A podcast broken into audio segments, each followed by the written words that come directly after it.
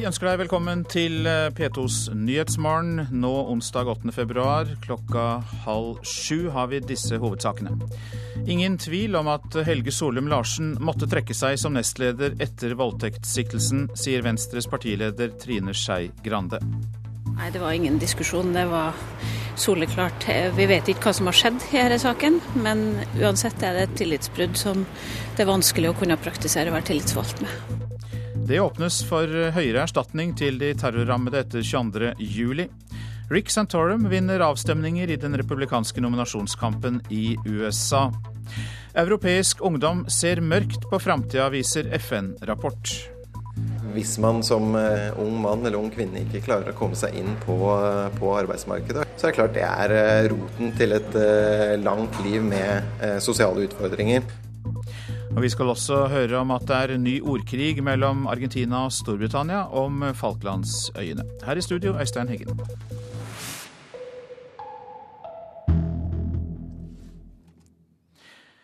Venstre har ingen retningslinjer for å takle overgrepssaker i partiet. Men det trengte vi heller ikke for å takle denne saken, sier partileder Trine Skei Grande. I går trakk nestleder Helge Solum Larsen seg fra alle verv i partiet, etter at ei 17 år gammel jente meldte han til politiet for voldtekt. Vi har ingen retningslinjer på dette utover god norsk lov og vanlig medmenneskelighet. Det har vært våre eh, retningslinjer. Det var i helga at Rogaland Venstre samla seg til årsmøte på Ryfylke Fjordhotell på Sand i Suldal. Natt til søndag skal flere av delegatene ha festa. Etter det som blir fortalt til NRK, var både 17-åringen og den 43 år gamle nestlederen påvirka av alkohol. Så skjedde det som ikke burde skje. Og allerede samme natt fikk andre tillitsvalgte på årsmøtet beskjed. Hun var tydelig på at dette var noe hun ikke ønsket. Fortalte gruppeleder Per A. Torbjørnsen i Stavanger Venstre til NRK i går kveld. Partiet gikk ikke til politiet, men valgte å hjelpe 17-åringen med dette fra søndagen av, forteller Venstre-leder Trine Skei Grande. Vi har lagt til rette for at jenta skulle eh, kunne bestemme det sjøl, og har fått bistandsadvokat og kontakta politiet på den måten. Hun kjenner sjøl til den unge kvinna og har møtt henne tidligere. Hun har også snakka med henne sjøl etter det som skjedde i helga. Seint i går kveld opplyste politiet til NRK at Helge Solum Larsen nå er sikta for en voldtekt. Altså mener politiet at det er skjellig grunn til å mistenke at noe straffbart har funnet sted. Partiet Venstre venter ikke på ei slik sikting. For selv om Larsen sjøl trolig mener det ikke har skjedd noe straffbart, kan han uansett ikke fortsette i et tillitsverv etter dette, slår partilederen fast. Nei, Det var ingen diskusjon. Det var soleklart. Vi vet ikke hva som har skjedd i denne saken, men uansett er det et tillitsbrudd som det er vanskelig å kunne praktisere å være tillitsvalgt med. Sa partileder eh, Trine Skei Grande til reporter Håvard Grønli. Og mer om denne saken etter klokka sju her i Nyhetsmorgen. Tre amerikanske delstater har i natt holdt avstemninger om hvilken republikansk kandidat som skal utfordre president Barack Obama. Rick Santorum vant nominasjonsvalget i Missouri og avstemningene på nominasjonsmøtene i Minnesota. Og han ligger også godt an under opptellingen i Colorado. Korrespondent Jon Gelius, du følger med for oss, så hva er de siste resultatene? Ja, akkurat i dette øyeblikket så har det vippet i Mitt Romneys favør i Colorado. Eh, han leder nå med 37% foran Santorums 35 eh, Men det er bare drøyt halvparten av stemmene som er telt opp. Eh, det virker som om Romney tar eh, Colorado fordi han får flest stemmer i de store delene, bystrøkene i Colorado. Nå eh, hadde jo Mitt Romney favorittstempel eh, før eh, valgene i natt, kan vi vel si. Og dette er vel svært dårlige nyheter for ham? Ja, Først og fremst er det jo en fantastisk eh, natt for eh, Rick Santorum, som altså vinner to delstater. Eh, han vant som vi husker knepent i Iowa. og det er klart at Nå seiler eh, Rick Santorum opp som en eh, konservativ utfordrer til Mitt Romney. Eh, Romney gjør det dårlig. Han vant jo i Minnesota over John McCain for fire år siden. I Minnesota blir han bare på tredjeplass nå, og i Missouri så blir han altså overlegen slått av Santorum. Så det er ingen god kveld, natt for Romney, men en god natt for Santorum. Og så har vi en tredjemann i dette kappløpet, Jon Gelius. Eh, Newt Gingrich han vant jo i Sør-Carolina og eh, seilte jo opp kanskje som Mitt Romneys hovedutfordrer, var det mange som mente. Hvordan ligger han an? Ja, Han gjør det holdt på å si, elendig i disse tre delstater. Hvis han var ikke engang med på stemmeseddelen i Missouri. Det klarte de ikke å få ham på. Eh, I Minnesota kom han på sisteplass. I Colorado så ligger han eh, nå på tredjeplass. Så det er klart at For Gingrich blir dette også en dårlig kveld. Fordi at eh, han har jo på en måte sagt at han er den store konservative utfordreren til Romney. Nå er det Santorum som etter disse tre delstatene kan si at han vel så mye har krav på den posisjonen. Og eh, om en knapp måned så er det såkalt supertirsdag i den republikanske nominasjonsprosessen. og Hvor viktig blir den dagen eh, nå? Ja, Den dagen kommer til å bli kjempeviktig. Vi får en liten test på den allerede i slutten av februar. Da skal både Arizona og Michigan ha eh, sine delstatsvalg. Og Det er klart at det vil gi en pekepinn på hvordan beitet vil være framover. Men supertirsdagen med elleve stater på samme kveld, den vil nå bli meget spennende. For nå har jo disse fire kandidatene som er igjen i dette racet, de har virkelig posisjonert seg i løpet av natten. Og det blir mye tøffere nå også å se mellom Santorum og Gingrich versus Michigan. Mitt Romney. Ingen avklaring i den republikanske nominasjonskampen. Mange takk til deg, Jon Gelius, vår USA-korrespondent. Mens Russlands utenriksminister møtte Syrias president i går for å snakke om fred, fortsatte bombingen av sivilbefolkningen i byen Homs. Og mastergradsstudent i arabisk litteratur Hanan al-Balkeh, du er fra den syriske byen Dera. Eh, du er tidligere aktivist, medlem av Det syriske nasjonale råd og representant for rådet i Norge, og med oss nå på telefon fra Midtøsten. Hva er det siste du har fått vite om forholdene for sivilbefolkningen i eh, Syria, i de rammede byene? Ja, hei, god morgen. Eh, situasjonen er forferdelig i hele Syria. Assad president gjennomfører en virkelig krig mot sitt eget folk. Sivilområder bombes med Eh, artilleri og, og, raketter, både i Homs, Baba Amr, Kaldea-områder. Det er 30, eh, 35 personer som ble drept i går. Det er kutt med strøm, internett og alle kommunikasjonsmidler. Det er mangel på eh, medisinske hjelpemidler. Situasjonen i eh, Homs og andre områder, som Azabadani, som eh, områder rundt Damaskus. Også det bombes også. Nå har regimet kommet med anklager mot opposisjonen også om terrorangrep osv. Hva, hva sier du til den kritikken? Ja, Regimet kommer med dette anklaget eh, mot uh, opposisjonen for å begrunne deres brutale angrep mot sitt eget folk. Og siden starten Eh, eh, som, de som drepes, det er sivile eh, folk som har ikke våpen. Som, de som arresteres, de som tortureres, de er helt fredelige folk. Har du snakket med folk i Syria, hatt kontakt med dem på telefon og fått vitnesbyrd om hva som har skjedd? Ja, jeg har snakket med, med, med mine venner i Homs, og de har De, de kan ikke eh, de, de, Situasjonen sier eh, ubeskrivelig situasjon. Det er virkelig krig mot, eh, mot befolkning. Ja. Mange takk skal du ha for at du var med oss på denne telefonen fra Midtøsten. Hanan al-Balke, som altså er mastergradsstudent i arabisk litteratur, men også da medlem av det syriske nasjonale råd.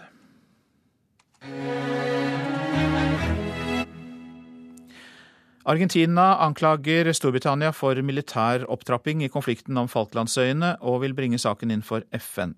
Det sa den argentinske presidenten Christina Kirchner i en tale i Buenos Aires i går kveld. Og Vår reporter Arnt Stefansen han var der under arrangementet og har sendt oss denne reportasjen.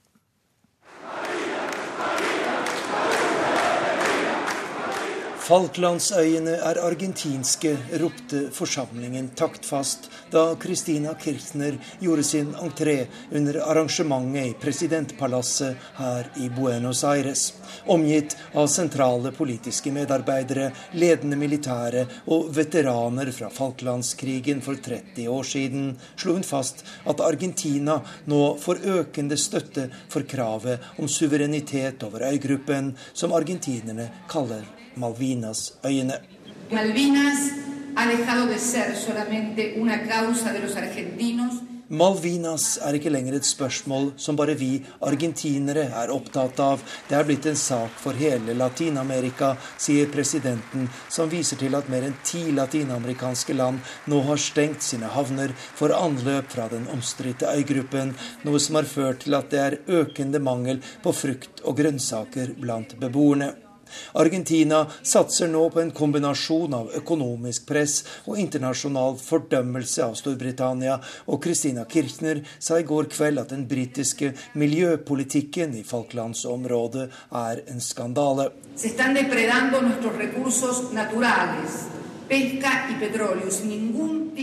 Britene vil drive rovdrift på våre naturressurser, fisk og olje, uten noen miljømessig kontroll, noe som kan føre til en miljøkatastrofe i disse sårbare områdene i Sør-Atlanteren, hevder den argentinske presidenten. Og hun oppfordrer miljøorganisasjoner og stater verden over til å engasjere seg i denne saken. Argentinske myndigheter står fortsatt hardt på kravet om at Falklandsøyene, eller Las Malvinas, er en del av Argentina. Men president Kirchner understreket i går kveld at det ikke er snakk om å bruke militærmakt for å erobre øyene. Hun beskyldte derimot Storbritannia for å militarisere området etter å ha sendt krigsskipet HMS Dauntless til Falklandsøyene nylig. Britene er nok en gang i ferd med å militarisere Sør-Atlanteren, og vi vil nå be FN om å vedta en resolusjon som fordømmer dette. Det er i alles interesse å hindre en militær opptrapping på og rundt Falklandsøyene, fastslo den argentinske presidenten Christina Kirchner i sin tale i går kveld. Arnt Stefansen, Buenos Aires. Så til avisenes eh, forsider, og vi åpner med dagens glade nyhet i Vårt Land. Stadig flere eldre får besøksvenner. 80 år gamle Walter Hammond Hurlen sier han bare hadde sittet og glodd i veggen uten besøksvennen Rune Gust. August han sier han har mye tid til overs, og at han får energi av å være besøksvenn.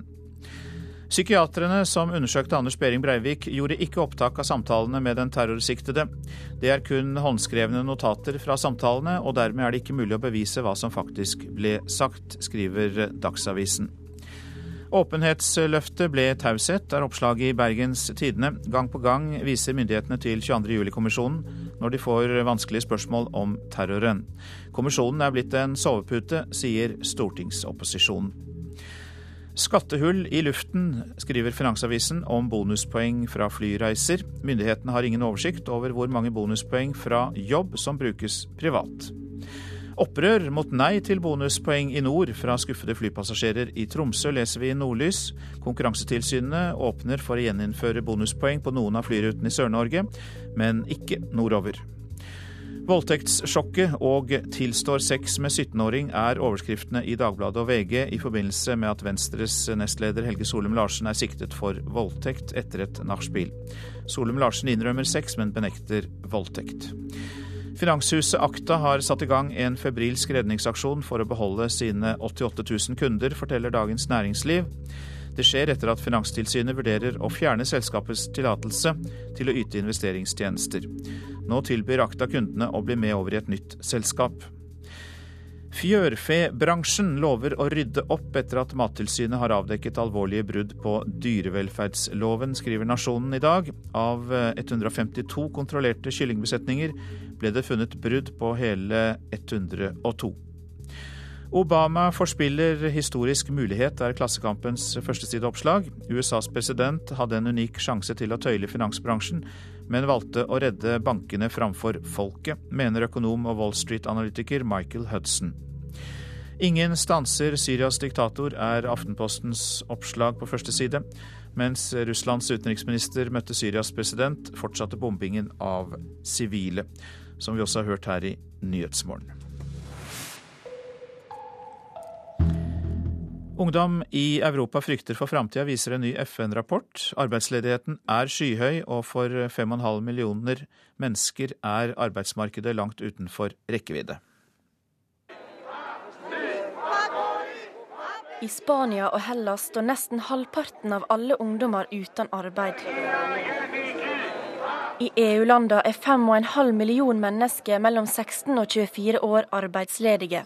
Assisterende generalsekretær i FN-sambandet, Rune Arktander, sier dette bare er starten. Vi ser eh, potensielt en hel generasjon av unge mennesker som faller utenfor arbeidsmarkedet. Vi kan risikere å være utenfor arbeidsmarkedet i veldig, veldig lang tid. Høg arbeidsløse er årsaka til flere andre store samfunnsproblem, sier Arktander. Det er helt klart at en av de eh, bidragene til opprørene i eh, den arabiske våren og i Nord-Afrika eh, handlet om farlig høye tall når det gjelder ungdomsledighet. For de ungdommene som står uten arbeid, kan de sosiale følgene være alvorlige. Hvis man som eh, ung mann eller ung kvinne ikke klarer å komme seg inn på, eh, på arbeidsmarkedet, og heller ikke ser eh, at man kommer til å komme inn i nær framtid, så er det klart det er roten til et langt liv med sosiale utfordringer. I den nye FN-rapporten World Youth Report forteller over 1000 europeiske ungdommer at de ser svært mørkt på framtida. Stortingsrepresentant Anette Trettebergstuen mener den dystre situasjonen i Europa kan føre til stor sosial uro. Veldig mange uh, unge er nå i en situasjon der de uh, utdanner seg til ledighet. Det er ikke noe fremtidshåp. Uh, det, er ikke noe, det, er ikke mulig å etablere seg. Man blir boende hjemme. med det her så, så synker jo også fødselstallene, så det her kommer til å forplante seg eh, fremover. Så vi kommer til å se en stor sosial krise. At en hel generasjon faller utenfor arbeidsmarkedet, får ikke bare økonomiske og samfunnsmessige konsekvenser. For den enkelte kan livskvaliteten stå på spill, sier Rune Arktander. De påføres også en hel del andre sosiale utfordringer. Om det handler om eh, hvor man skal bo, om det handler om eh, hvor man skal, hvordan man skal tjene penger, hvordan man skal fø en familie så er det klart at eh, arbeid er en helt sentral del av, eh, av et, eh, en ung mann eller ung kvinnes liv. Og det var Susanne Egseth som hadde laget denne saken. Forsker og avdelingsdirektør Anne Reneflot ved Folkehelseinstituttet.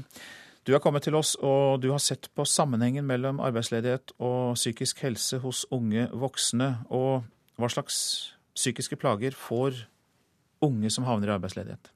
Altså det vi gjorde i vår studie, var å gå gjennom alle de nordiske studiene som har sett på sammenhengen mellom arbeidsledighet og psykisk helse hos unge voksne siden 1995 og frem til i dag. Og det disse studiene ganske entydig viser, det er jo at uh, unge arbeidsledige i større grad rapporterer om å være deprimerte og være plaget av angst, sammenlignet med de som står i arbeid eller som er i utdanning.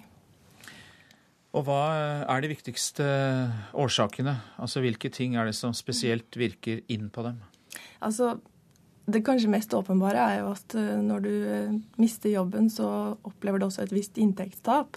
Og at man da står i fare for å oppleve økonomiske problemer. Og det flere studier viste, var jo at det var særlig de arbeidsledige som hadde økonomiske problemer, som også rapporterte om psykiske plager.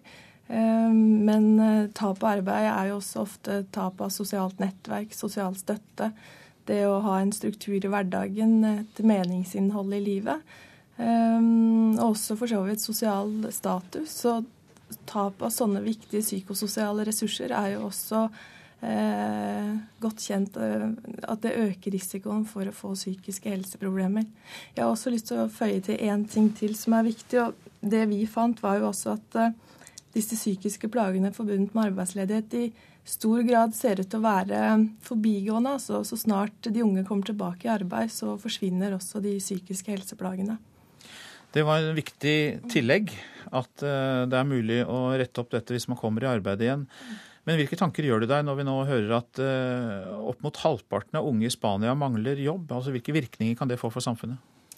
Altså, det er jo klart at det er svært alvorlig når så mange står utenfor arbeidslivet. og Um, det betyr jo også at et økende antall unge mennesker står i fare for å få psykiske helseplager som følge av arbeidsledighet. Så den økonomiske krisen i Europa sånn sett kan du også si har viktige implikasjoner for den psykiske helsen. Sånn avslutningsvis, Hva kan gjøres for å forebygge skader, når du da sier at det er eh, ganske positivt at man raskt kan komme tilbake igjen eh, hvis man får jobb, men hva kan gjøres for å forebygge? Nei, altså jeg tror at Det aller viktigste er jo at politikerne sørger for å holde orden i økonomien. Og at eh, man eh, forsøker å holde ledigheten så lav som mulig.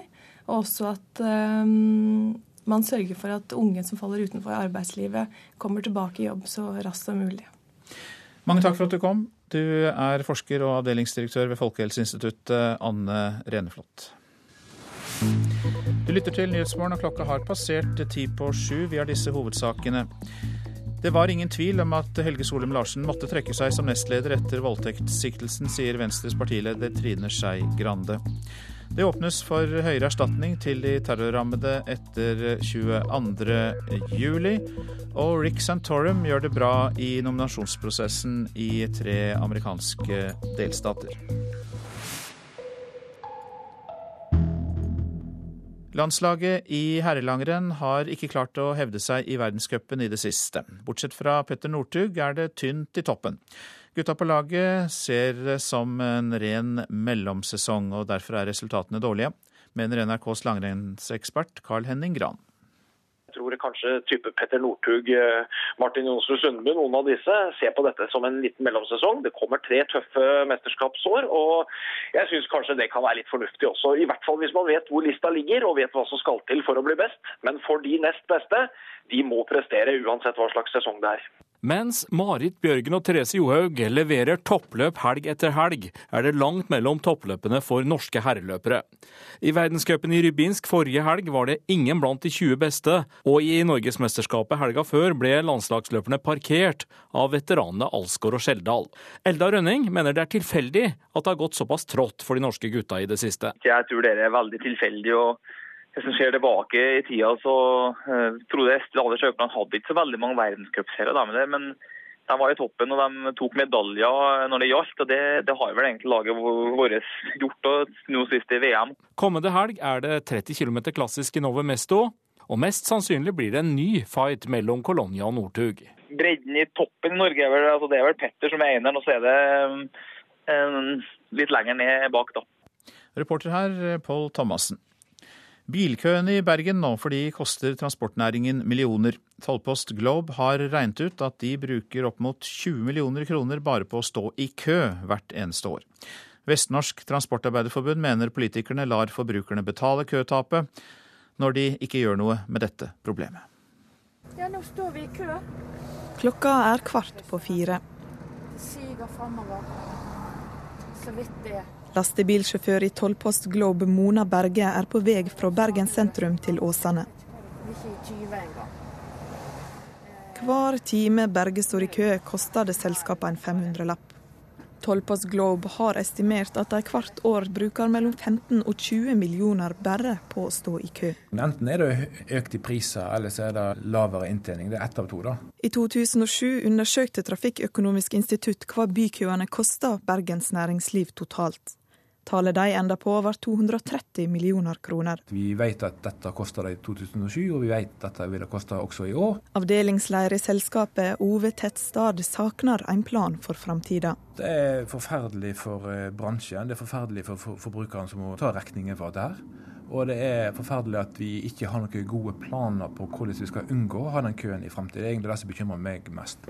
Kjell Dyngeland i Vestnorsk Transportarbeiderforbund har klare meninger om hva som er løsninga. Han mener politikerne har sovet i timen. For det første er det jo innfartsparkeringer.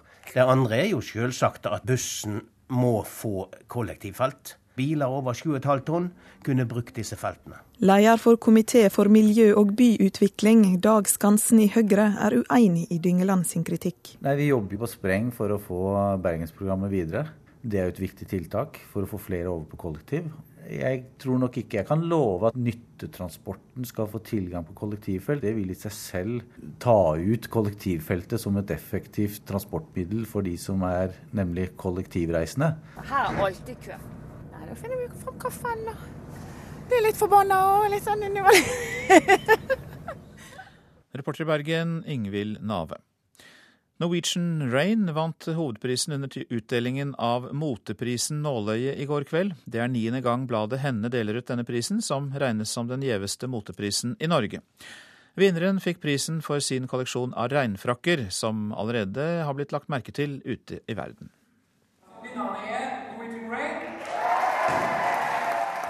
Designduoen Norwegian Rain fra Bergen var en populær vinner av moteprisen Nåløye 2012. De har gjort regntøy for menn til en motesak. Og det dreier seg om kortreist inspirasjon, sier Michael Tette Narty, også kjent som T-Michael. Det er vann, rett og slett. Det regner mye i Bergen. Uh, eneste som er sikkert i Bergen, er at det kommer til å regne igjen.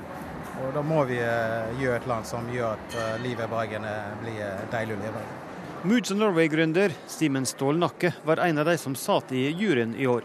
Han mener Norwegian Rain hadde det lille ekstra som gjorde at de skilte seg ut i en knallsterk konkurranse. Norwegian Rain syns jeg er et veldig veldig fantastisk konsept. Å ta tak i, eh, altså ta tak i eh, si, regnbekledning og lage det så utrolig eh, cutting edge eh, fashion er en veldig veldig smart idé, og med en bakgrunn fra Bergen. og så liksom Alle brikkene de har alt på plass der, syns jeg. da. Det er niende gang at henne deler ut prisen Nåløye.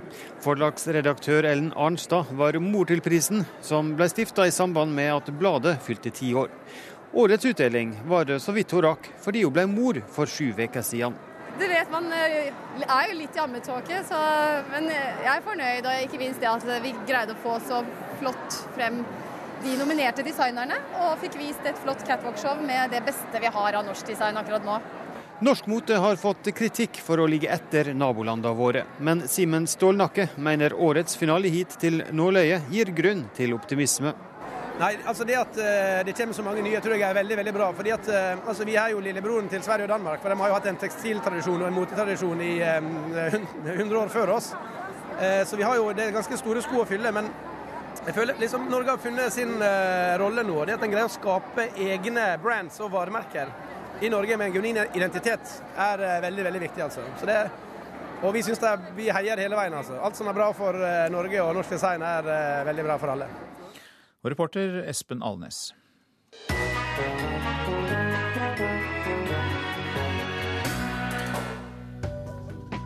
Endelig roa det seg for Trond Giske etter rykter om at han varsla Telenor-styrelederens avgang på et nachspiel. Men i dag får han hjemmebesøk av Radioselskapet med en gave fra NRK-programleder Anne Lindmo, som kan framskaffe flere minner fra gamle fester. Giske er med i gavestafetten etter Dagsnytt klokka 11.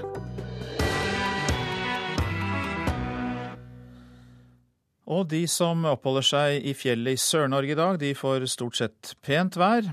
Østland og Telemark får opphold og til dels pent, men en del tåkeskyer i lavlandet først på dagen. Sør og øst for Oslo trolig skyet det meste av dagen. Sørlandet får for en stor del pent vær i dag, men lokal tåke også der i østlige områder. Rogaland stort sett pent vær, men stedvis skyet på kysten nord i Rogaland. Hordaland og Sogn og Fjordane sørlig liten kuling på kysten, stiv kuling i nord. Opphold og til dels pent vær, men eh, stedvis skyet i ytre strøk. Møre og Romsdal stort sett pent vær, i kveld tilskyende. Trøndelag lokal tåke først på dagen, men ellers eh, stort sett pent vær. I kveld eh, liten kuling utsatte steder i Trøndelag. Helgeland, Saltfjellet, Salten og Ofoten liten kuling utsatte steder. Fra i ettermiddag lokalt stiv kuling i nord. Skyet eller delvis skyet oppholdsvær, minst skyer i sør. Lofoten og Vesterålen sørvestlig liten til stiv kuling, fra i ettermiddag til dels sterk kuling, for det meste skyet oppholdsvær. Troms sørvestlig stiv kuling langs kysten, stort sett opphold, fra i formiddag lettere skydekke. Finnmark stiv kuling utsatte steder, stort sett skyet eller delvis skyet oppholdsvær. Nordensjøland på Spitsbergen stiv kuling utsatte steder, litt regn eller sludd av og til. Temperaturer målt klokka fire i natt. Svalbard lufthavn pluss fem. Kirkenes minus 17. Varde minus sju. Alta minus fem. Både Tromsø og Bodø hadde pluss 1 grad, Brønnøysund fem grader, Trondheim-Værnes minus tre, Molde minus tre også, Bergen-Flesland minus 1, Stavanger minus to. Kristiansand-Kjevik var nede i minus tolv klokka fire i natt, Gardermoen minus sju, Lillehammer også minus sju. På Røros var det minus 14 grader, og på Oslo-Blindern var det minus fire grader klokka fire.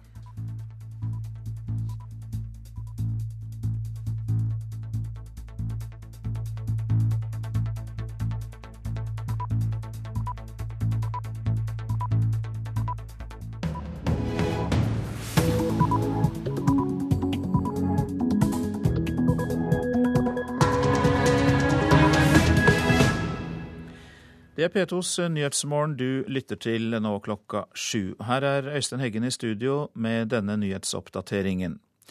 Helge Solum Larsen hadde ikke noe valg. Han måtte trekke seg som nestleder etter voldtektssiktelsen, sier Venstres leder Trine Skei Grande. God norsk lov og vanlig medmenneskelighet, det har vært våre eh, retningslinjer. Finnøy-ordfører Gro Skartveit overtar som leder av fylkestingsgruppa i Rogaland etter Larsen. Hun er rystet over det som har skjedd. Det å få beskjed om at en som står deg så nær, og du har jobba så mye med, er blitt anmeldt for voldtekt, det er noe av det tøffeste jeg har opplevd. Rick Santorum vant nominasjonsvalgene i Missouri og Minnesota med god margin til storfavoritten Mitt Romney i eh, altså republikanernes nominasjonsvalg. Regjeringen eh, bør hente hjem ambassadøren i Syria. Det mener lederen i utenrikskomiteen, Ine Eriksen Søreide. Jeg mener det ville være en viktig politisk markering og et tydelig signal eh, at Norge nå som et naturlig neste skritt vurderer også å hjemkalle ambassadøren. Og I løpet av denne halvtimen skal vi også høre at alkolås blir stadig mer vanlig i norske biler. Det er sikkerhet både for oss sjøl og for andre, så, så jeg syns det er veldig positivt. Transportarbeider Bjørn Egil Bortheim om alkolås. Venstre har ingen retningslinjer for å håndtere overgrepssaker i partiet, men det trengte vi heller ikke for å takle denne saken, sier partileder Trine Skei Grande. I går trakk nestleder Helge Solum Larsen seg fra alle verv i partiet, etter at ei 17 år gammel jente meldte han til politiet for voldtekt. Vi har ingen retningslinjer på dette utover god norsk lov og vanlig medmenneskelighet. Det har vært våre eh, retningslinjer. Det var i helga at Rogaland Venstre samla seg til årsmøte på Ryfylke Fjordhotell på Sand i Suldal. Natt til søndag skal flere av delegatene ha festa. Etter det som blir fortalt til NRK, var både 17-åringen og den 43 år gamle nestlederen påvirka av alkohol. Så skjedde det som ikke burde skje. Og allerede samme natt fikk andre tillitsvalgte på årsmøtet beskjed. Hun var tydelig på at dette var noe hun ikke ønsket fortalte gruppeleder Per A. Torbjørnsen i Stavanger Venstre til NRK i går kveld. Partiet gikk ikke til politiet, men valgte å hjelpe 17-åringen med dette fra søndagen av, forteller Venstre-leder Trine Skei Grande. Vi har lagt til rette for at jenta skulle kunne bestemme det sjøl, og har fått bistandsadvokat og kontakta politiet på den måten. Hun kjenner sjøl til den unge kvinna og har møtt henne tidligere. Hun har også snakka med henne sjøl etter det som skjedde i helga. Seint i går kveld opplyste politiet til NRK at Helge Solum Larsen nå er sikta for en voldtekt. Altså mener politiet at det er skjellig grunn til å mistenke at noe straffbart har funnet sted. Partiet Venstre venter ikke på ei slik sikting. For selv om Larsen sjøl trolig mener det ikke har skjedd noe straffbart, kan han uansett ikke fortsette i et tillitsverv etter dette, slår partilederen fast. Nei, Det var ingen diskusjon. Det var soleklart. Vi vet ikke hva som har skjedd i denne saken, men uansett er det et tillitsbrudd som det er vanskelig å kunne praktisere å være tillitsvalgt med.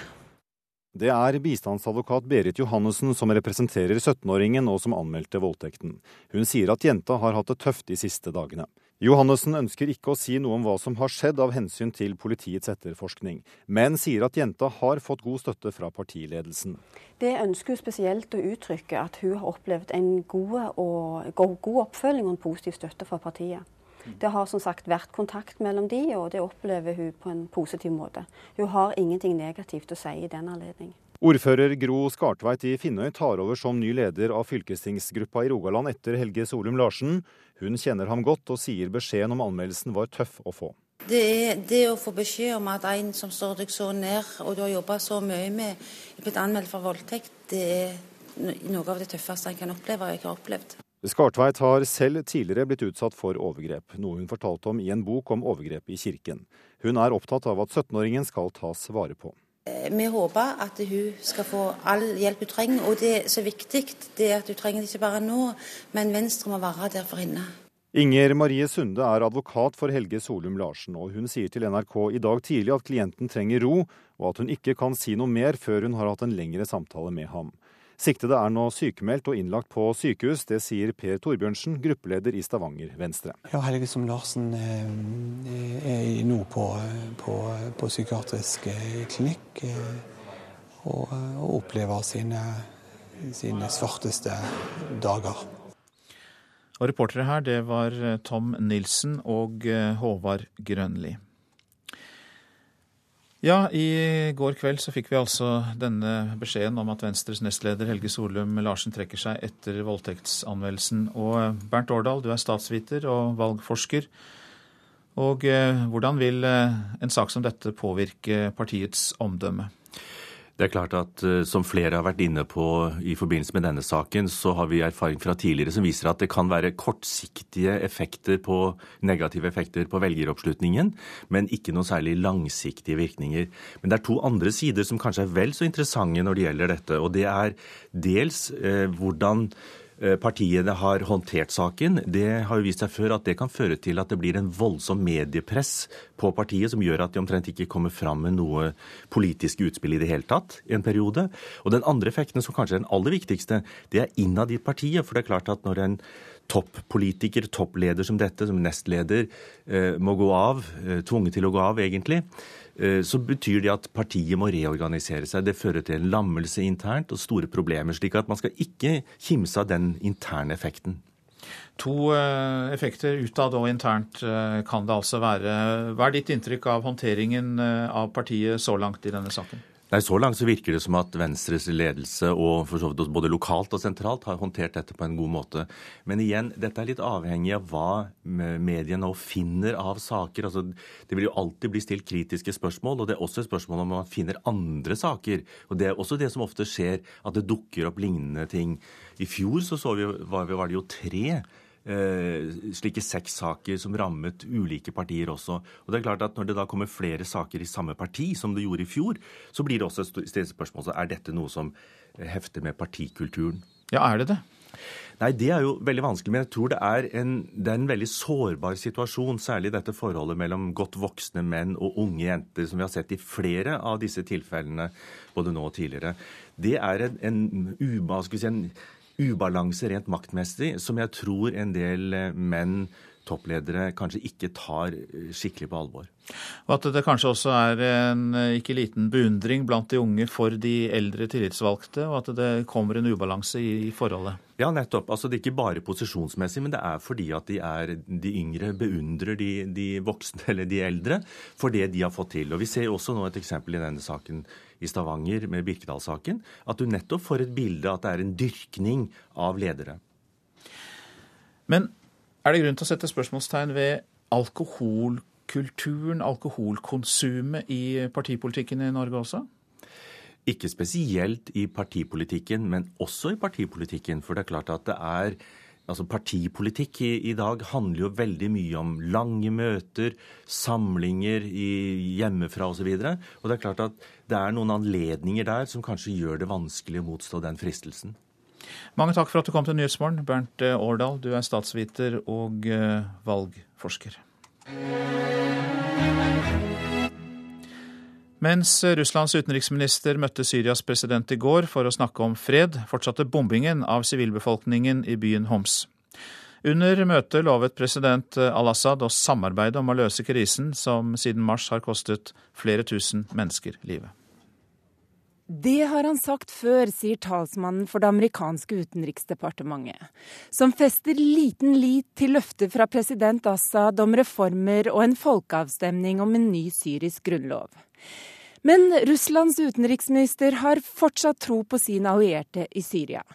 Han hevder at president Assad er villig til å snakke med alle, og til å la en utvidet delegasjon fra Den arabiske liga komme tilbake og overvåke situasjonen i landet. Men det hjelper lite med flere arabiske observatører så lenge volden mot opposisjonen fortsetter uhindret av deres nærvær, sier kommentatorer. Russlands utenriksminister skal ha sagt til president Assad at en løsning i Syria må baseres på planen fra Den arabiske liga, men det er uklart om det også gjelder punktet om Bashar al-Assads avgang. Mens den syriske presidenten og hans russiske gjester diskuterte fred, fortsatte angrepene mot opposisjonen og sivilbefolkningen i byen Homs. De siste to dagene skal over 100 mennesker være drept. Lite tyder på at den russiske utenriksministeren har oppnådd noe mer håndfast enn arabiske og vestlige diplomater. Og det sa utenriksmedarbeider Nina Bull Jørgensen. Regjeringen bør vurdere å hente ambassadøren i Syria hjem. Det mener lederen i utenrikskomiteen på Stortinget, Ine Eriksen Søreide fra Høyre. Som en reaksjon på regimets voldelige svar på det folkelige opprøret, har USA stengt ambassaden i landet. Flere arabiske og europeiske land har trukket diplomatene sine ut de siste dagene. Jeg mener det ville være en viktig politisk markering og et tydelig signal eh, at Norge nå som et naturlig neste skritt vurderer også å hjemkalle ambassadøren. Det begynner å nærme seg tida for å gi et klart signal, mener lederen i utenrikskomiteen på Stortinget. Det er jo et tydelig politisk signal om at Norge ikke aksepterer det som foregår overfor sivilbefolkningen i Syria nå. Eh, og det er klart at dette ville følge mange andre europeiske land som nå enten har hjemkalt eller er i ferd med å hjemkalle sine ambassadører til konsultasjoner. Og det ville også følge den linja USA har lagt seg på i denne saken. Foreløpig gjør ikke Norge det, svarer statssekretæren i Utenriksdepartementet Torgeir Larsen. Foreløpig så er vi av den eh, klare oppfatning at eh, vi gjør mer nytte av oss ved å holde kanaler oppe, ikke minst når det gjelder til opposisjonskrefter i Syria. Eh, men som sagt, vi følger situasjonen løpende. Det gjelder både sikkerhetssituasjonen og det gjelder også den generelle utviklingen. Reporter her, det var Håvard Grønli. Og da går vi nettopp til deg, Norges ambassadør i Syria, Rolf eh, Willy Hansen. Du har altså da ikke fått noen beskjed om å dra tilbake til eh, Norge, men du skal gjøre nytte for deg, får vi høre her fra Utenriksdepartementet, ikke minst i forhold til å samle informasjon i forhold til opposisjonen. Og hvordan opplever du det arbeidet? Vel, det er en spennende og spent situasjon her i Syria nå. Den det er jo uansett et land hvor det er vanskelig å få pålitelig og presis informasjon. Så det er en viktig del av jobben vår nå å følge med best mulig i utviklingen her. Og vi har jo også jevnlig kontakt med representanter for opposisjonen for å få deres uh, vurderinger uh, på synspunkter på situasjonen her og veien videre. Hva har du fanget opp av reaksjoner etter at eh, Russlands utenriksminister Lavrov eh, var på besøk?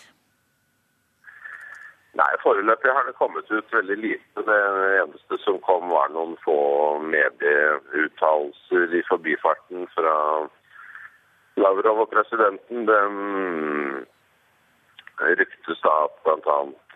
vi skal frigjøre liksom, det utkastet til ny grunnlov som er i ferd med å bli, bli utarbeidet. Og det ble også sagt uh, at uh, som vi regnet med, at Lavrov hadde med seg et budskap, et brev fra russiske presidenten til president Assad, og at de var um, fornøyd med samtalene. Um, det vil jo vise seg i praksis da, hva som skjer. Det eh, viktigste er vel hva de ikke sier noe om, og det kan, det kan vi bare, bare, spekulere om. Men vi, vi, regner med at russerne har gitt uh, klar beskjed om at det må komme noen reelle forandringer, og at det må komme fort. Men at det blir foreløpig bare spekulasjoner. Det var da store støttedemonstrasjoner, da,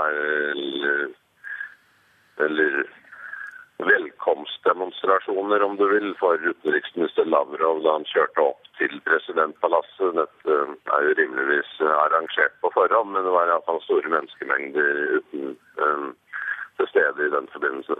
Ja, Du nevnte Grunnloven. Var det da slik at Lavrovs besøk eh, kanskje fører til at eh, man offentliggjør dette utkastet til ny grunnlov? Det er vel det, det, det som er um, spørsmålet, tror jeg. Den skal visstnok være mer eller mindre ferdig. Så det er mer spørsmål om å få det raskt ut og få en dato for uh, å holde en folkeavstemning som, uh, som, de har snakket om. Så er det vel um, tvilsomt om dette i seg selv um, innebærer noen uh, avgjørende forskjell, men det er iallfall uh, noe som det har vært snakket om lenge.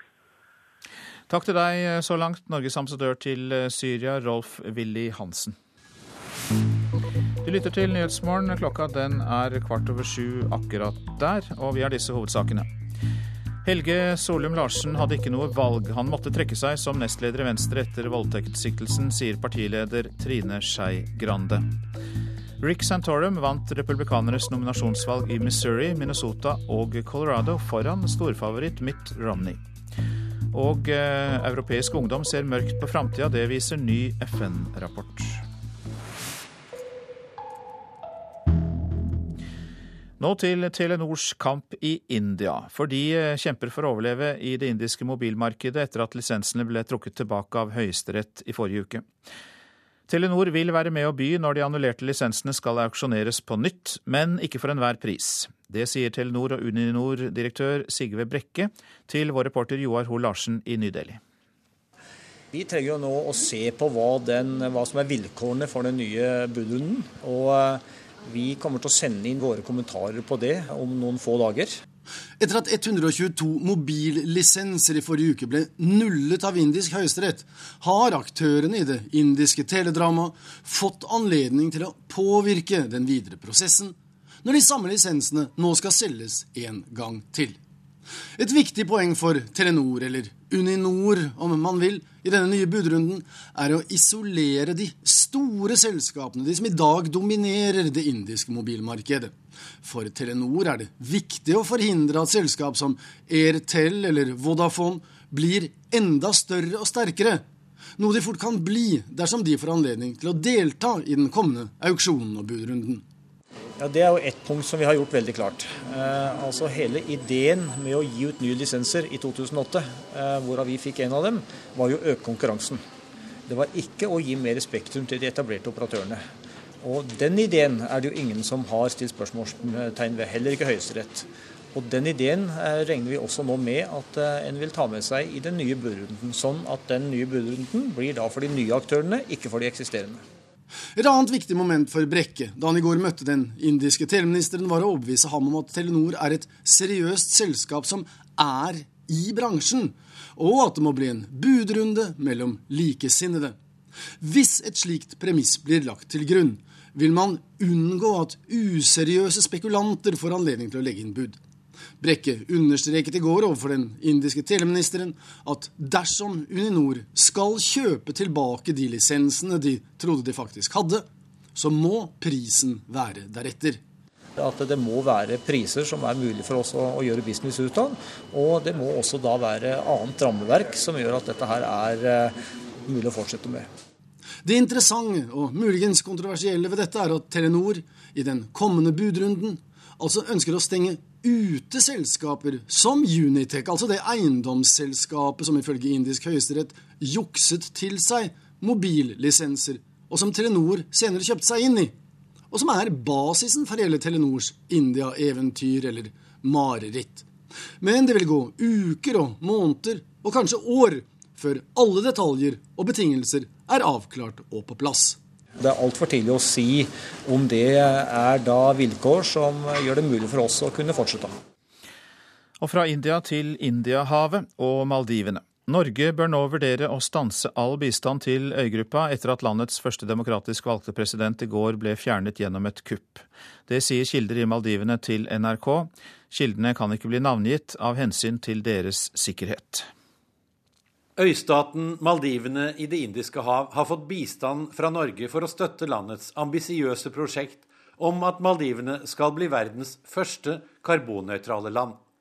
Etter at landets første demokratisk valgte president Mohammed Nasheed i går ble fjernet gjennom et kupp, ser det ut til at dette miljøprosjektet nå kan bli avbrutt.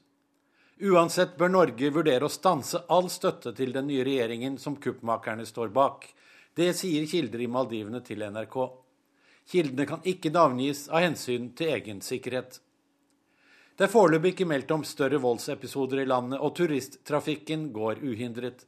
Men tidligere president Nasheed ble i går kveld satt i husarrest av politiet, og det er foreløpig usikkert om han fortsatt holdes i fangenskap. Over 50 høytstående medlemmer av den tidligere regjeringen og regjeringspartiets parlamentarikere har fått utreiseforbud fra Maldivene, og man frykter nå at kuppmakerne etter hvert vil slå hardere til mot medlemmene av tidligere president Nasheeds Maldivenes demokratiske parti.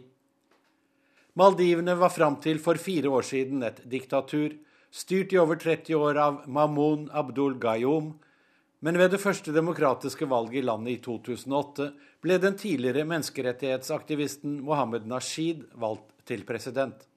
Han markerte seg internasjonalt som en forkjemper for tiltak mot klimaendringene. Maldivenes høyeste punkt ligger bare 2,5 meter over havflaten, og øyene kan komme til å synke dersom havnivået stiger pga. global oppvarming. Gårsdagens kupp var godt forberedt av tidligere diktator Gayoms parti og støttespillere, særlig innenfor politistyrkene og rettsvesenet. Deler av politiet og dommerstanden har vært involvert med korrupte forretningsmenn og kriminelle gjenger, som bl.a. står for innførselen av narkotika til Maldivene, en trafikk som hadde gode vilkår under den tidligere diktatoren. Både alkohol og narkotika er strengt forbudt i det muslimske landet, men helsemyndighetene anslår at nærmere en tredjedel av all ungdom bruker heroin. I tillegg til de kriminelle nettverkene er kuppmakerne også støttet av radikale muslimer som ønsker en strengere islamsk politikk, også mot turistenes bikinier og alkoholkonsum. For de gehør kan det bli et alvorlig slag for landets turistindustri, som er Maldivenes viktigste inntektskilde. Anders Magnus, Beijing. Så til dagens eh, forsider. Vi åpner med en glad nyhet i vårt land. Stadig flere eldre får besøksvenner. 80 år gamle Walter Hammond Hurlen sier at han bare hadde sittet og glodd i veggen uten besøksvennen Rune Gust. Og Gust har mye tid til overs og sier han får energi av å være besøksvenn. Psykiatrene som undersøkte Anders Behring Breivik, gjorde ikke opptak av samtalene med den terrorsiktede, skriver Dagsavisen. Det er kun håndskrevne notater fra samtalene, og dermed er det ikke mulig å bevise hva som faktisk ble sagt. Åpenhetsløftet ble taushet, er oppslaget i Bergens Tidende. Gang på gang viser myndighetene til 22. juli-kommisjonen når de får vanskelige spørsmål om terroren. Kommisjonen er blitt en hovedpute, sier stortingsopposisjonen. Skattehull i luften, skriver Finansavisen om bonuspoeng fra flyreiser. Myndighetene har ingen oversikt over hvor mange bonuspoeng fra jobb som brukes privat. Opprør mot nei til bonuspoeng i nord fra skuffede flypassasjerer i Tromsø, leser vi i Nordlys. Konkurransetilsynet åpner for gjeninnføring av bonuspoeng på noen av flyrutene i Sør-Norge, men ikke i nord. Voldtektssjokket og tilstår sex med 17-åring er overskriftene i Dagbladet og VG i forbindelse med at Venstres nestleder Helge Solum Larsen er siktet for voldtekt etter et nachspiel. Solum Larsen innrømmer sex, men benekter voldtekt. Finanshuset Akta har satt i gang en febrilsk redningsaksjon for å beholde sine 88 000 kunder, forteller Dagens Næringsliv. Det skjer etter at Finanstilsynet vurderer å fjerne selskapets tillatelse til å yte investeringstjenester. Nå tilbyr Akta kundene å bli med over i et nytt selskap. Fjørfebransjen lover å rydde opp etter at Mattilsynet har avdekket alvorlige brudd på dyrevelferdsloven, skriver Nasjonen. Av 152 kontrollerte kyllingbesetninger ble det funnet brudd på loven i hele 102. Obama forspiller historisk mulighet, er Klassekampens førstesideoppslag. USAs president hadde en unik sjanse til å tøyle finansbransjen, men valgte å redde bankene framfor folket. Det mener økonom og Wall Street-analytiker Michael Hudson. Ingen stanser Syrias diktator, er Aftenpostens oppslag. Mens Russlands utenriksminister møtte Syrias president, fortsatte bombingen av sivile. Stadig flere av oss installerer alkolås i bilen. Det er positivt for trafikksikkerheten, mener Transportarbeiderforbundet. Og det kommunale selskapet Nærtjenesta i Florø har installert alkolås i alle sine biler. Så bare trykke på den. Nå står det vente, nå må vi vente på at han uh, gjør seg klar. da. Så Nå står munnstykket på, ta prøve. Nå kan jeg begynne å blåse. Et trykk på alkolåsen og et djupt åndedrag. Slik er det Bjørn Egil Bortheim starta dagen på jobb for transportfirmaet Nærtjenesta i Florø. Nå, OK. Så nå, så nå, er jo alt OK. Så nå, da slår han av seg omtrent med en gang. Ikke før han har bevist at han er edru foran start på bilen. Slik er det i 12 av de 17 bilene i firmaet, og de ansatte har aldri klaga, forteller Bortheim. Jeg mener at det er sikkerhet både for oss sjøl og for andre, så, så jeg syns det er veldig positivt. Det finnes ingen eksakte tall på hvor mange alkolåser det finnes i norske biler i dag. Forbundssekretær Geir Kvam i Norsk Transportarbeiderforbund tror tallet ligger på noen tusen. Det blir nok flere. Eh, per i dag, ut ifra det jeg vet, så er det mellom 2000 og 3000 alkolåser som er i bruk i norske kjøretøy. Og det blir nå mer og mer vanlig med alkolås i norske biler. Ola Nordmann har det i privatbilen sin, men det er kanskje i hovedsak transportfirma og busselskap som tar i bruk det som blir regna som et viktig bidrag til trafikktryggleiken. NRK har snakka med flere av forhandlerne av alkolås i Norge, og alle forteller at salgspila går oppover. Det går litt sakte, men sikkert, men det blir mer populært.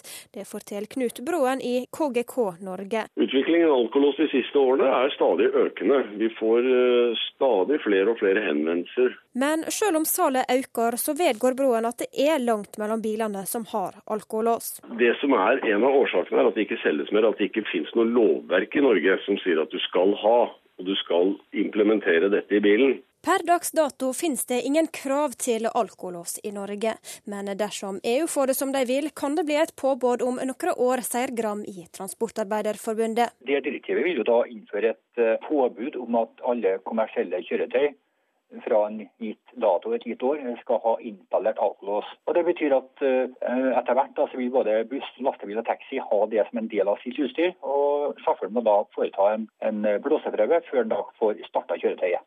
Et påbud er altså noen år fram i tid.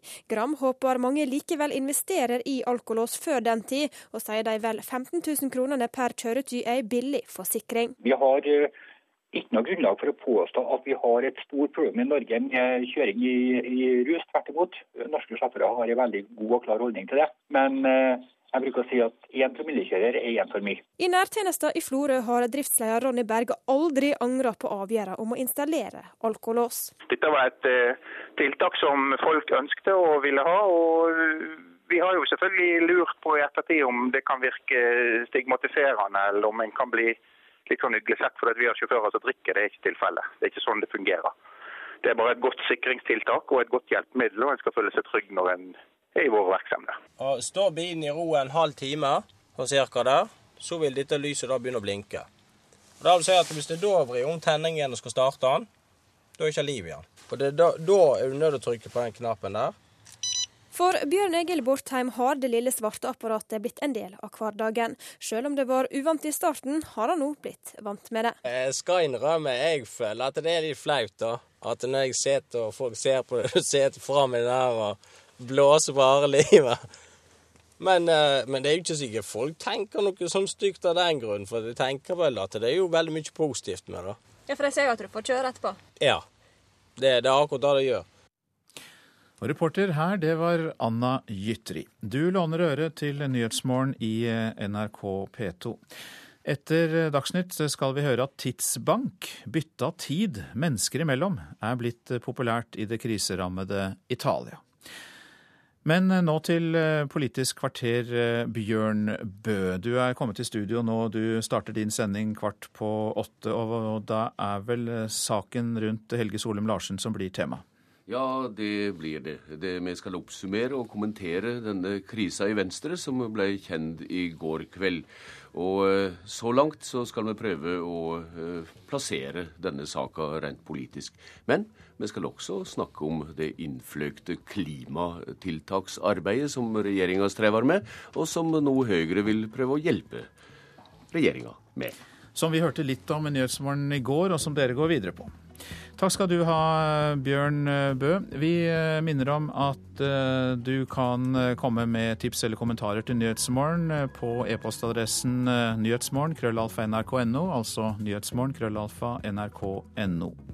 Produsent for Nyhetsmorgen i dag, Jan Erik Bjørnskaug. Her i studio nærmest mikrofonen, Øystein Heggen.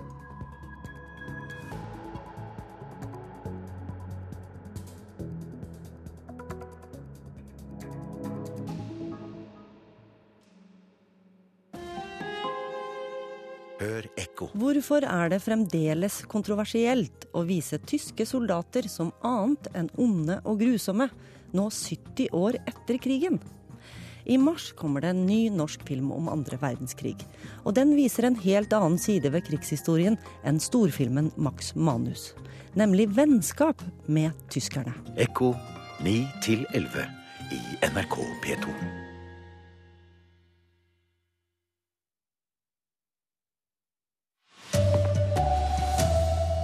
Helge Solum Larsen hadde ikke noe valg, måtte trekke seg som nestleder i Venstre. Norge bør kalle hjem ambassadøren fra Syria, mener lederen i utenrikskomiteen på Stortinget. Og Rick Santorium tar innpå storfavoritten i presidentnominasjonen i USA. God morgen, her er NRK Dagsnytt klokka er 7.30. Venstre er i sjokk etter overgrepsskyldninger mot nestleder Helge Solum Larsen. Ei 17 år gammel jente har meldt Larsen til politiet for voldtekt på årsmøtet til Rogaland Venstre i helga. Og politisk redaktør her i NRK, Kyrre Nakkim, hvorfor er denne saka så alvorlig? Den er alvorlig fordi det handler om en voldtektsanklage. Den er alvorlig fordi det handler om at en godt voksen tillitsmann med et høyt verv i partiet har hatt sex med en 17-åring eh, under et partitilstelning. Og den er alvorlig fordi den rammer det nye Venstre som eh, Trine Skei Grande er i ferd med å bygge opp, ved at hennes nestleder da må trekke seg. Kyrre Nakim, du har vært med videre, men først skal vi høre at Venstre ikke har regler for å håndtere overgrep, og i saka mot nestleder Helge Solum Larsen var det heller ikke nødsynt, sier partileder Trine Skei Grande. Ifølge Grande hadde ikke Helge Solum Larsen annet valg enn å trekke seg etter skyldninger mot overgrep mot ei 17 år gammel jente. Vi har ingen retningslinjer på dette utover god norsk lov og vanlig medmenneskelighet. Det har vært våre eh, retningslinjer. Det var i helga at Rogaland Venstre samla seg til årsmøte på Ryfylke Fjord hotell på Sand i Suldal. Natt til søndag skal flere av delegatene ha festa. Etter det som blir fortalt til NRK, var både 17-åringen og den 43 år gamle nestlederen påvirka av alkohol. Så skjedde det som ikke burde skje. Og allerede samme natt fikk andre tillitsvalgte på årsmøtet beskjed. Hun var tydelig på at dette var noe hun ikke ønsket fortalte gruppeleder Per A. Torbjørnsen i Stavanger Venstre til NRK i går kveld. Partiet gikk ikke til politiet, men valgte å hjelpe 17-åringen med dette fra søndagen av, forteller Venstre-leder Trine Skei Grande. Vi har lagt til rette for at jenta skulle eh, kunne bestemme det sjøl, og har fått bistandsadvokat og kontakta politiet på den måten. Hun kjenner sjøl til den unge kvinna og har møtt henne tidligere. Hun har også snakka med henne sjøl etter det som skjedde i helga. Seint i går kveld opplyste politiet til NRK at Helge Solum Larsen nå er sikta for en voldtekt. Altså mener politiet at det er skjellig grunn til å mistenke at noe straffbart har funnet sted. Partiet Venstre venter ikke på ei slik sikting. For selv om Larsen sjøl trolig mener det ikke har skjedd noe straffbart, kan han uansett ikke fortsette i et tillitsverv etter dette, slår partilederen fast. Nei, Det var ingen diskusjon. Det var soleklart. Vi vet ikke hva som har skjedd i denne saken, men uansett er det et tillitsbrudd som det er vanskelig å kunne praktisere å være tillitsvalgt med. Det er bistandsadvokat Berit Johannessen som representerer 17-åringen og som anmeldte voldtekten. Hun sier at jenta har hatt det tøft de siste dagene. Johannessen ønsker ikke å si noe om hva som har skjedd av hensyn til politiets etterforskning, men sier at jenta har fått god støtte fra partiledelsen. Det ønsker hun spesielt å uttrykke, at hun har opplevd en god, og, god oppfølging og en positiv støtte fra partiet. Det har som sagt vært kontakt mellom de, og det opplever hun på en positiv måte. Hun har ingenting negativt å si i den anledning. Ordfører Gro Skartveit i Finnøy tar over som ny leder av fylkestingsgruppa i Rogaland etter Helge Solum Larsen. Hun kjenner ham godt og sier beskjeden om anmeldelsen var tøff å få. Det er det å få beskjed om at en som står deg så nær, og du har jobba så mye med, er blitt anmeldt for voldtekt, det er noe av det tøffeste en kan oppleve, og jeg har opplevd. Skartveit har selv tidligere blitt utsatt for overgrep, noe hun fortalte om i en bok om overgrep i kirken. Hun er opptatt av at 17-åringen skal tas vare på. Eh, vi håper at hun skal få all hjelp hun trenger, og det er så viktig det er at hun trenger det ikke bare nå, men Venstre må være der for henne. Inger Marie Sunde er advokat for Helge Solum Larsen, og hun sier til NRK i dag tidlig at klienten trenger ro, og at hun ikke kan si noe mer før hun har hatt en lengre samtale med ham. Siktede er nå sykemeldt og innlagt på sykehus. Det sier Per Torbjørnsen, gruppeleder i Stavanger Venstre. Ja, Helge som Larsen eh, er nå på, på, på psykiatrisk eh, klinikk eh, og, og opplever sine, sine svarteste dager. Reportere her var Håvard Grønli og Tom Nilsen. Og politisk redaktør Kyrre Nakkim, hvordan har partiet Venstre håndtert det som skjedde i helga?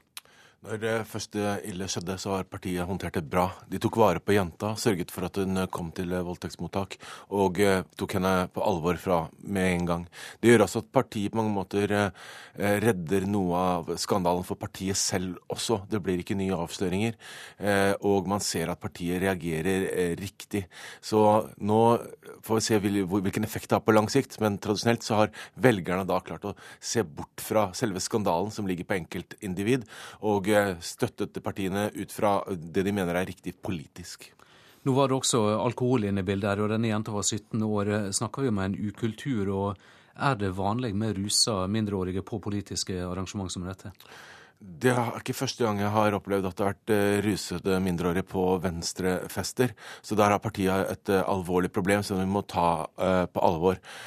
Dessuten så er det slik at vi vet fra samfunnet generelt at slike situasjoner oppstår lettere og oftere når det er rus involvert, så også i politikken.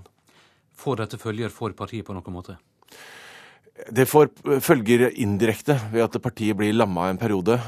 Og nå planlegger man eh, fram til et nytt valg i, i 2013. Eh, men eh, dersom man klarer å få valgt en ny nestleder uten strid i løpet av våren, så tror jeg man kommer gjennom det. Takk skal du ha, Kyrre Nakkim. Telenor tapte nesten 1,8 milliarder kroner før skatt i de siste tre månedene i fjor. Det viser ferske kvartalstall fra teleselskapet. Det er Telenors tap av telelisenser i India som gir det store underskuddet.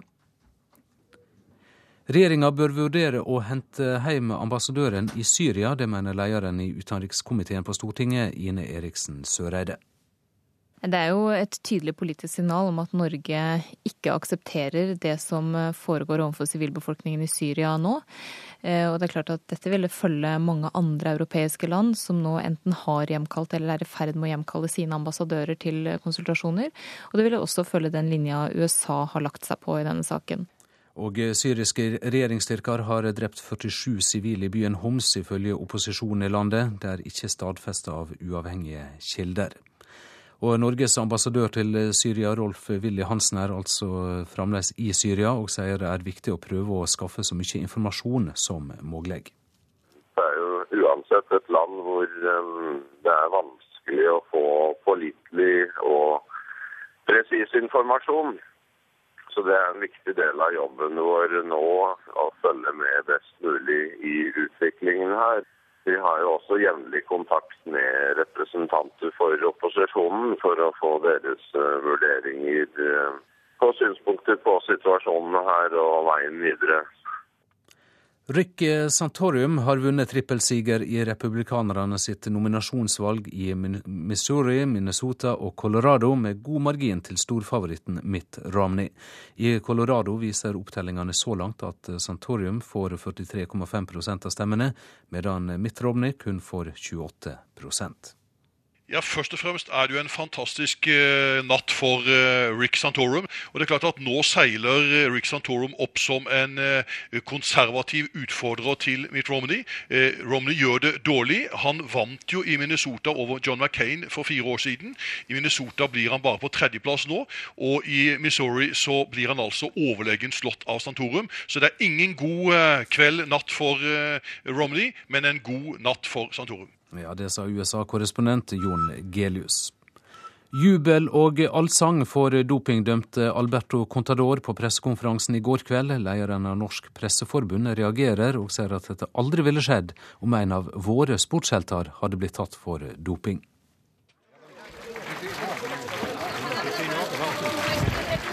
Contador fikk applaus og allsang fra de fremmøtte spanske journalistene på pressekonferansen i går. Og han bedyret naturligvis sin uskyld igjen. Svært få spanjoler tror at superstjernen har jukset til seg Tour de France-seieren. Forkastelig oppførsel av spansk presse, sier Per Edgar Kokkvold. Dette er jo helt utrolig at journalister kan finne på. Det er lov å glede seg over eh, egne utøveres eh, prestasjoner. Eh, men dette er noe helt annet. Her opptrer man da som, eh, som klakkører. Man gjør det som journalister aldri kan gjøre, nemlig lukke øynene for eh, det som skjer. Ja, Reporter her var Pål Thomassen. Da gjenstår bare å si at ansvarlig for denne sendinga var Bjørn Christian Jacobsen, teknisk ansvarlig Odd Slåttland og i studio programleder Odd Christian Dale.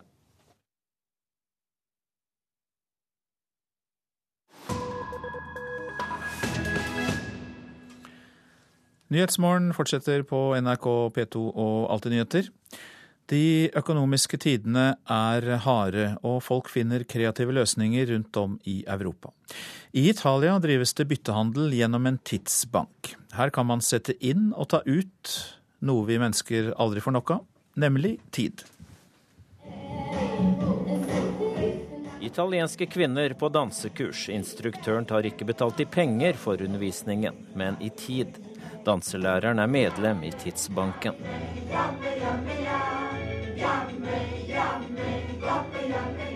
Handikappede italienere synger i et kor i Roma med den stemmen de har. Dirigenten tar ikke betalt i penger, men får oppgjør i tid. Han er medlem i Tidsbanken. To kvinner lager pizza sammen. De får ikke penger for pizzaene de leverer. De får betalt i tid, for de er også medlemmer i Tidsbanken. Così come avviene in banca, se io devo eh, prelevare dei soldi, pagare una persona, pago con degli assegni. De som åpner konto i Tidsbanken, får medlemskort og sjekkhefte. I stedet for å skrive antall euro på sjekken, skriver de antall timer. Det forteller presidenten i Tidsbankforeningen i Italia, Maria Luisa Petrucci. Banken opererer med debit og kreditt i antall timer, ikke i valuta. Ideen bak er at medlemmer gir av sin tid ut fra egne evner og ferdigheter. Betalingen får de når andre gjør noe for dem på et område de har behov for.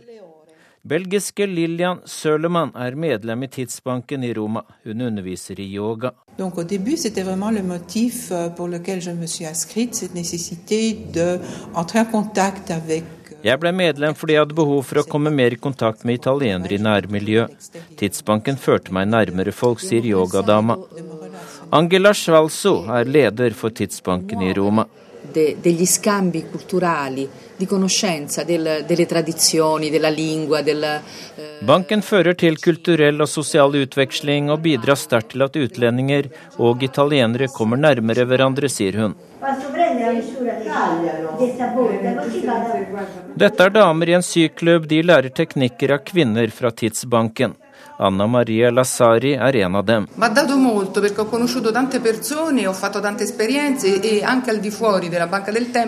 Tidsbanken ble en fin måte å få seg venner på. Vi syr og vi går ut på kino, teater og kafé sammen, forteller sydama til nyhetsbyrået Ap. Professor og redaktør Leonardo Beccetti er på vei til kontoret sitt. Han er opptatt av fenomenet og skriver om det i tidsskriftet Journal of Financial Stability. The bank of time is important because it's uh, uh, stimulating people to donate time, which is a very scarce resource. Time invested in a relationship with other people. This is a really scarce resource in our economies. Det at folk gir av sin tid blir stadig viktigere i et samfunn der tid er mangelvare. Selv om ideen med tidsbank er relativt ny i Italia, startet fenomenet i USA på 80-tallet. De som sto bak, var idealister som mente prosjektet ville forebygge fordommer og rasistiske holdninger. Tidsbankideen har spredd seg til 30 land. Sangerne i handikapkoret i Roma er noen av italienerne som har fått glede av en bank utenom det vanlige.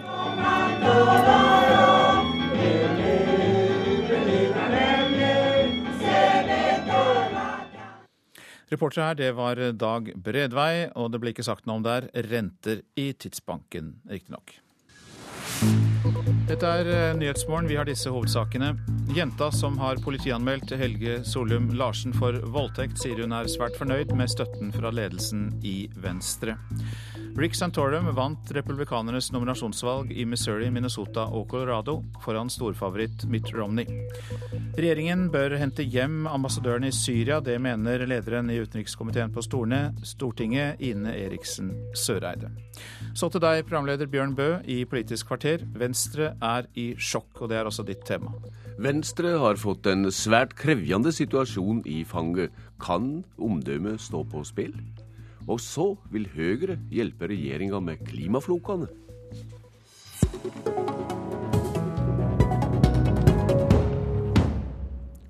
Nestleder i Venstre, Helge Solum Larsen, er altså meldt til politiet skylda for voldtekt og har mist alle verv i partiet. Politisk redaktør i NRK, Kyrre Nakkim, hvordan vil du karakterisere denne saka? Den er som eh, slike skandaler eh, flest i, i partiene. De er eh, ille for de tillitsvalgte. Eh, den rammer partiapparatet eh, for en stund. Og så handler det veldig mye om hvordan de håndterer det rent medmenneskelig. Hvorvidt man kommer gjennom det på en god måte eller ikke. Og så er jo selvsagt anklagene alvorlige. Og det handler også om at man har et tillitsbrudd, slik som Trine Skei Grande har brukt ordet. At en godt voksen nestleder da har hatt sex med en 17-åring på en partitilstelning. Det er uansett ikke bra. Vi skal eh, komme tilbake til noen av disse poengene, Kyrinaki, men først oppsummere litt av det som har blitt kjent etter at eh, denne nyhenda sprakk, dette nyhendet sprakk i går kveld. Og uh, Trine Skei Grande, lederen i Venstre, hun sier at partiet ikke har regler for å håndtere slike saker, men det trenger de da heller ikke, mener hun.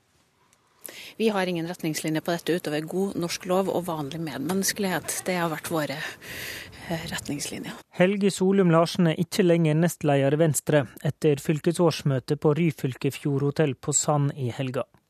Det som skjedde natt til søndag er ikke mulig å foregne med å ha et sentralt tillitsverv i et politisk parti. Seint i går kveld stadfesta politiet til NRK at Venstretoppen nå også er sikta for å ha voldtatt 17-åringen som var delegat på Rogaland Venstres årsmøte. Men venstreledelsen venter ikke på at politiet sikter nestlederen. Han har nå fratrådt alle sine verv, eh, og har da slutta å praktisere venstrevervene sine. Helge Solum Larsen er den mest markerte politikeren i fylkespartiet i Rogaland. Jeg registrerer jo nå at Fremskrittspartiet på sin side velger å altså stille krav om at et samla storting skal forlate Forslagene som gjør det mulig å få sett på de papirløse sin situasjon. I den nasjonale debatten har han markert seg med standpunkt om klimapolitikken og papirløse innvandrere, etter at han ble nestleder for knappe to år siden. Lokalt i Stavanger og Rogaland har han vært sentral siden 90-tallet, forteller ordfører Kristine Sagen Helgø. Men det er som du sier at eh, Helge Thorn Larsen han uh, har vært en sentral politiker i, i mange år, og en, eh, en dyktig politiker. Da Rogaland Venstre samla seg i helga, var han på Fjordhotellet på Sand som leder av fylkestingsgruppa. Han innleia til politisk debatt, og var møteleder lørdagen. Men lørdag kveld og natt til søndag var det, etter det NRK får fortalt, festing og drikking på hotellet. Og etter det som blir sagt, hadde både den 43 år gamle nestlederen og den 17 år gamle jenta drukket alkohol. Gruppeleder Per A. Torbjørnsen i Stavanger Venstre var på årsmøte. Han fikk melding allerede kvart på tre natt til søndag om hva som skulle ha skjedd. Jenten er tydelig og klar på eh, hva hendelsesforløpet var. Jeg snakket med henne eh, søndag morgen, og hun var tydelig på at dette var noe hun ikke ønsket. Helge Solum Larsen skal ifølge Torbjørnsen ikke erkjenne at dette er en voldtekt. Ja, Slik jeg forstår det, og sånn jeg har snakket med han, så erkjenner ikke han det. Men eh, Han erkjenner at de har hatt eh, sex sammen. Altså var det ikke behov for å rådføre seg med noe regelverk eller retningslinjer. Det var ingenting å tvile på, sier partileder Trine Skei Grande, som sjøl har vært i samtaler med 17-åringen. Nei, det var ingen diskusjon. Det var soleklart. Vi vet ikke hva som har skjedd i denne saken, men uansett er det et tillitsbrudd som det er vanskelig å kunne praktisere å være tillitsvalgt med. Morgenen etter hendinga tok jenta den første rutebåten fra Sand til Stavanger, der hun oppsøkte voldtektsmottaket. Mens partitoppen ble konfrontert med påstandene der inne på hotellet. Han var med på resten av møtet, og tok en fellesbåt til Stavanger senere på dagen. Partileder Trine Skei Grande fikk sjokkmeldinga søndag morgen. Hun forteller til NRK at dette er ei jente hun sjøl kjente til og har møtt. Hun sier at partiet valgte å ikke varsle politiet sjøl, men at de heller hjalp jenta med å gjøre dette. Vi har lagt til rette for at jenta skulle eh, kunne bestemme det sjøl, og har fått bistandsadvokat og kontakta politiet på den måten. Ja, det var ingen tvil i denne saka, sier Trine Skei Grande, politisk redaktør i NRK. Kyrre Nakkim, du sa nett i Dagsnytt at partiet har håndtert dette bra. Venstreledelsen mener at samme hva som har hendt, så er det i alle fall et grovt tillitsbrudd. Og Det høres ut som en svært kategorisk konklusjon om den noe tidligere nestlederen i partiet? Det er det, og mange vil nok eh, tenke at det er forhåndsdømming. Men vi er i den situasjonen at eh, Helge Solum Larsen var en eh, nestleder og en svært respektert person i partiet, med formelt høye verv også lokalt. Og eh, her har vi en jente som er under 18 år, og som er medlem av Unge Venstre. Og da er det helt klart at det påligger et ekstra ansvar for eh, den, eh, den voksne i denne situasjonen. Og den type seksuell kontakt bør ikke skje i et partisammenheng. Derfor så, så er tillitsbruddet der allerede. Og så skjer dette her også under eh, innflytelse av alkohol, etter hva jeg forstår, som, som er en tilleggsfaktor eh, her. Eh, hvorvidt voksne mennesker skal se på at, at mindreårige også nyter alkohol. Det bør ikke skje i tillegg. Så mm dermed så kan eh, partiet reagere uten at eh, voldtektsanklagene er behandlet av politiet eller etterforsket av politiet ennå, fordi, fordi bruddet er så, så, kraftig. Og Så kommer det en tilleggselement hvis det skulle bli en sak, men det går nå sin gang i, i rettsvesenet, og det er der det hører hjemme. Eh, hva følger kan en slik hending ha for omdømmet til partiet? Det kommer helt an på hvordan du håndterer saken. Det har vi sett tidligere. Eh, og Venstre har håndtert denne saken riktig i den form at man har tatt jenta på alvor og sørget for at hun har fått den hjelpen hun skal ha. Og vi hører jo at, at bistandsadvokaten til jenta også eh, roser Venstre for det arbeidet Venstre har gjort. Eh, det man også skal gjøre, er at man må prøve å ta vare på den som har fått anklagen mot seg. Eh, og, der vet vi mindre hva, hva Venstre har gjort eh, for øyeblikket. Men uansett så tror jeg det rammer partiet både i form av at de har mistet en, en, en viktig tillitsmann, men også det blir en debatt rundt selve kulturen det er ikke første gang det har vært eh, nytt alkohol av, av eh, mindreårige på Venstre-arrangement. Ikke nødvendigvis i formelle sammenhenger som i middagen, men, men i sidearrangementer som, som Unge Venstre arrangerer. Og klart det vil bli debattert nå. Du er inne på det. Det synes på nytt å være et døme på fuktig omgang mellom partiungdom og etablerte politikere. I hva grad er dette et allment problem i politikken, slik du har rønt det? Eh, I politikken så er det slik at nettopp unge mennesker eh, møter da disse eldre politikerne eh, relativt ofte. Og derfor så, så, oppstår situasjoner som kanskje ikke oppstår så ofte i hverdagslivet ellers. Og Da er det ekstra viktig at man har gode regler og gode rutiner for, for slike ting. Og her er det nok slik at man henger litt etter. Det er en, en kultur for at man fester på en del av disse årsmøtene og landsmøtene rundt omkring. Og eh, det Venstre er et parti som, eh, som ikke har noe si, negativt forhold til, til, alkoholen. Eh, her har det i de senere år. Det er helt vanlig med fester på Venstre, som i mange andre partier. Men jeg tror nok at partiet sjøl burde se på hvorvidt man burde ha Unge Venstre-arrangementer, og der Unge Venstre er med, som alkoholfrie arrangementer. Det er det flere andre partier som, som, har gjort i forhold til sine ungdomspartier. I alle fall nå må Venstre leite etter en ny nestleder fram mot landsmøtet i april, og dere er skapt sjokkbølger inne i partiet? blir det krise i Venstre også? Nei, det trenger ikke å bli krise i Venstre. Særlig ikke hvis partiet finner fram til en ny nestleder relativt raskt og enes rundt den. Eh, for partiet er i ferd med å gjenoppbygges som organisasjon etter at Lars Bonheim styrte skuta mer eller mindre alene. Eh, og det er viktig at Trine Skei Grande får støtte rundt i arbeidet hvis de skal eh, klare valget i 2013 på en bra måte. Takk til deg i denne omgang, Kyrre Nakkim.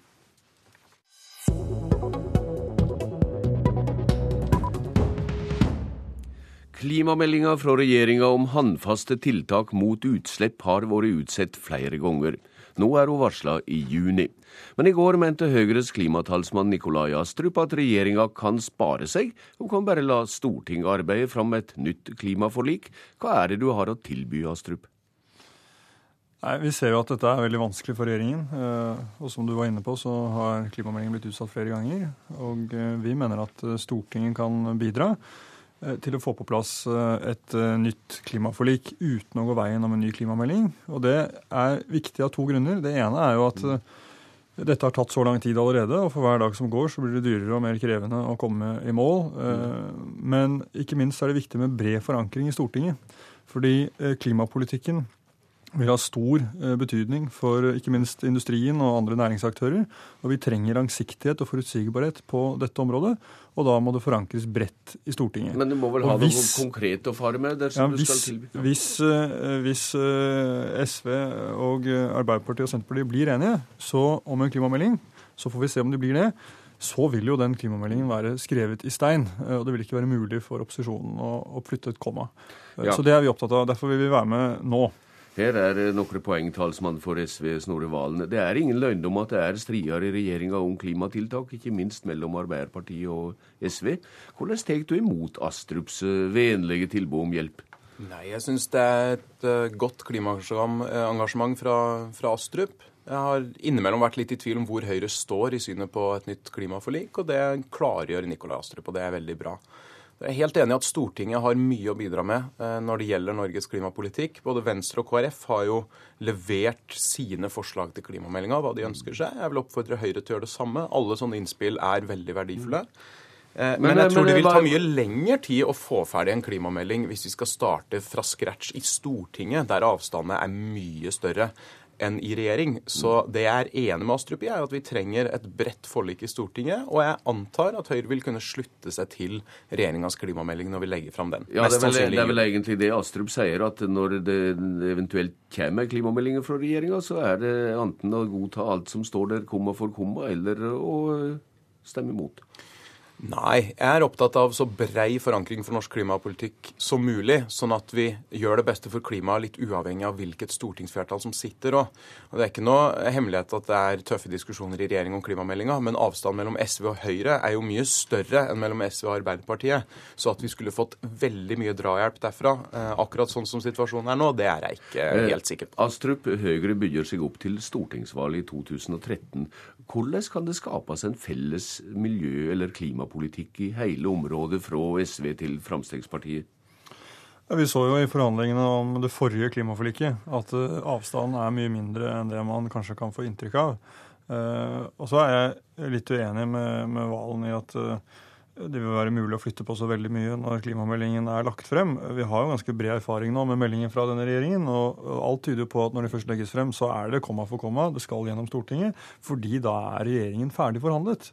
Eh, og det å åpne opp det som har vært veldig vanskelige forhandlinger, som har gjort at vi har ventet nå i fire år i praksis på en klimamelding, det har jeg ingen tro på at denne regjeringen kommer til å gjøre. og Derfor er det mye mer konstruktivt om de kommer til Stortinget nå. Så skal vi være Eh, en, en, bidragsyter i Stortinget for å få på plass en, en eh, ambisiøs og realistisk klimapolitikk. Men hva konkret kan du hjelpe Valen med da imot Arbeiderpartiet?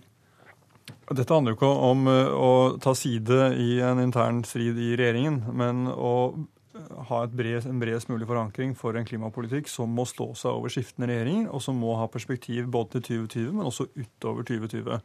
Eh, og eh, jeg tror det er veldig uheldig hvis vi nå får en klimamelding, eh, og den vedtas like før stortingsvalget i 2013, uten at opposisjonen har fått mulighet til å medvirke på noe som helst, og så opplever vi et regjeringsskifte. Det vil være uheldig. Og så, Valen, er spørsmålet om hvor hardhendte klimatiltakene skal være her hjemme. Ja, det stemmer. Jeg er opptatt av en best mulig klimamelding som er best mulig for renere luft, bedre framkommelighet i byene, for industrien osv. Eh, og jeg kan gjerne være med å flytte kommaer med Nikolai Astrup etter at meldinga er lagt fram, men da må det være å flytte kommaene i riktig retning for klimaet. Jeg blir ikke med på å forhandle en dårligere klimapolitikk etter at vi er ferdig. Det har Astrup helt rett i, hvis det er det han er bekymra for. Men jeg tror jo Høyre har et stort behov for å parkere Fremskrittspartiet i klimapolitikken. Mm. For Fremskrittspartiet henger om ankelen til, til, Høyre og gjør det vanskelig å lage et eh, regjeringsdyktig borgerlig alternativ etter neste valg, fordi avstanden er mye, mye større på borgerlig side i klimapolitikken enn er i den rød-grønne regjeringa. Astrup, du erter regjeringa, og Valen erter deg med Fremskrittspartiet. Nei, altså Jeg tror Snorre Valen skal bekymre seg mer for de interne motsetningene i regjeringen. Vi venter nå på en klimamelding, og den skulle ha kommet for lenge siden. Så han må gjerne komme trekkende med splid på borgerlig side, men det er jo helt åpenbart hvor spliden er. Det er mellom de rød-grønne partiene. Det ønsker vi å bidra til, og at de skal komme i mål med en klimamelding som alle kan være fornøyd med. Den letteste måten å raskt få ut klimameldinga på nå, er om vi i SV gir oss på viktige punkter, og det har vi ikke tenkt å gjøre. Vi har tenkt å vinne denne kampen og legge fram den beste klimameldinga. Med det vitnemålet sier jeg takk til dykk, Nikolai Astrup og Snorre Valen. Politisk kvarter er slutt. Jeg heter Bjørn Bø.